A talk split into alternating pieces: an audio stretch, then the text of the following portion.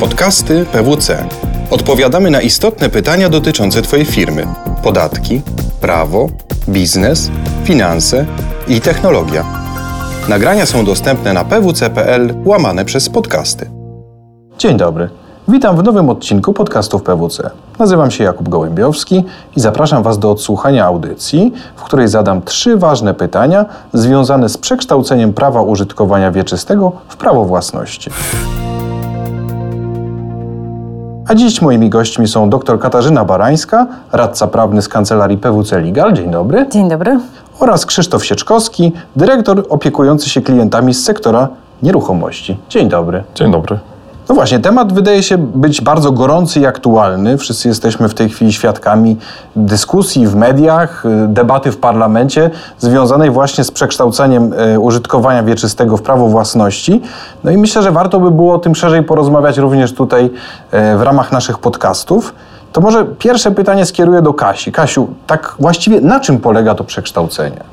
Od wielu lat w Polsce toczyła się dyskusja dotycząca tego, czy użytkowanie wieczyste jest reliktem, który powinno się zlikwidować.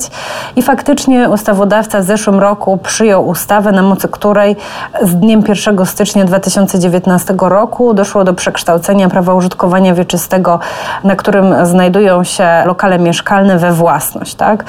Została przekształcona mm, tylko część prawa użytkowania wieczystego, właśnie tego prawa na cele mieszkaniowe samo prawo użytkowania wieczyste dla pozostałych przeznaczeń, takich jak no, chociażby przeznaczenia użytkowe czy przemysłowe, nadal istnieje. Tak? Więc faktycznie mamy dużą zmianę na rynku. Ona obecnie powoduje dosyć dużo wątpliwości, zarówno prawnych, księgowych. Dotyczy tak naprawdę wszystkich. Wielu z nas ma mieszkania na prawie użytkowania wieczystego, teraz musi borykać się z uzyskiwaniem zaświadczeń. Tym większy jest to problem, jeżeli chcielibyśmy takie mieszkanie teraz e, sprzedać. E, problemy mają deweloperzy, problemy mają najemcy lokali komercyjnych e, na osiedlach, bo to są także lokale, które w ramach przekształcenia zamieniły się we własność, także tych problemów jest na pewno sporo. Okej, okay, tutaj już wspomniałaś branżę deweloperską. I tu kieruję moje pytanie do Krzysztofa. Czy mógłbyś się pokusić o próbę nakreślenia tego, jaki wpływ na deweloperów będą miały te nowe regulacje?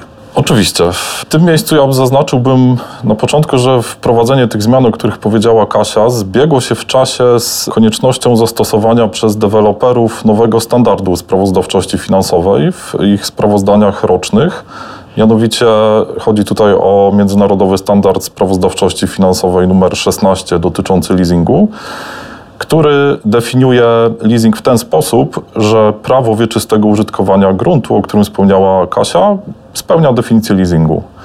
Dla deweloperów jest to skutek bardzo zauważalny i potencjalnie dotkliwy, wynikający z tego, iż Krótko mówiąc, deweloperzy będą musieli wyliczyć wartość tego prawa wieczystego użytkowania oraz zobowiązania do zapłaty płatności wynikających z prawa wieczystego użytkowania i to dodatkowe zobowiązanie ująć na swoim bilansie.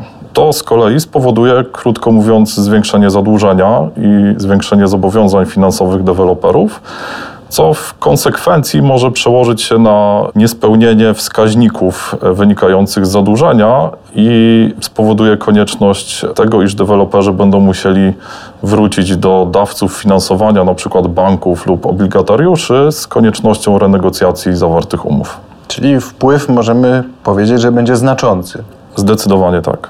To tu wracam znowu do Kasi. Kasiu, nie tylko deweloperzy, ale też na przykład fundusze inwestycyjne czy mogłabyś nakreślić jeszcze szerzej może perspektywę tego przekształcenia? No tak, tak jak e, wspominałam na początku, nie tylko deweloperzy, ale też e, najemcy lokali komercyjnych, a także fundusze inwestujące w mieszkania pod wynajem, e, to są podmioty, które w sensie gospodarczym dotknięte są kwestią przekształcenia użytkowania. Muszą teraz w swoich rocznych biznesplanach uwzględnić konieczność zapłaty opłaty za użytkowanie wieczyste. Warto tutaj może dodać, że użytkowanie wieczyste nie przekształciło się za darmo. Za przekształcenie że każdy z użytkowników wieczystych będzie musiał zapłacić opłatę bądź jednorazowo, bądź opłatę liczoną przez co najmniej kilka lat. Także to są dodatkowe koszty, które na pewno trzeba sobie wkalkulować w prowadzenie działalności gospodarczej. Nawiązując do tego, co mówił Krzysztof, deweloperzy oprócz problemów związanych z ujmowaniem takich gruntów w sprawozdaniach finansowych będą mieli jeszcze kilka innych problemów związanych z przekształceniem użytkowania.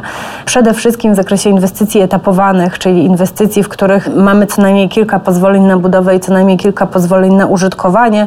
Poza tym będą to kwestie związane z rękojmią.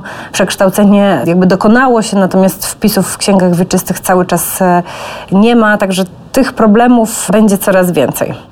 I mając na uwadze to, co powiedziałeś, że tych problemów będzie coraz więcej i skalę, o jakiej mówił Krzysztof, myślę, że będziemy się przyglądać w kolejnych audycjach temu, jak się zmienia rzeczywistość wokół nas wraz z przekształcaniem się tego prawa do użytkowania we własność. Z pewnością za parę miesięcy będziemy widzieć, w którym kierunku idzie rynek, będziemy zbierać doświadczenia z rynku, także na pewno będą to bardzo cenne informacje. Bardzo dziękuję za wysłuchanie tego odcinka, Kasi i Krzysztofowi za ciekawą rozmowę.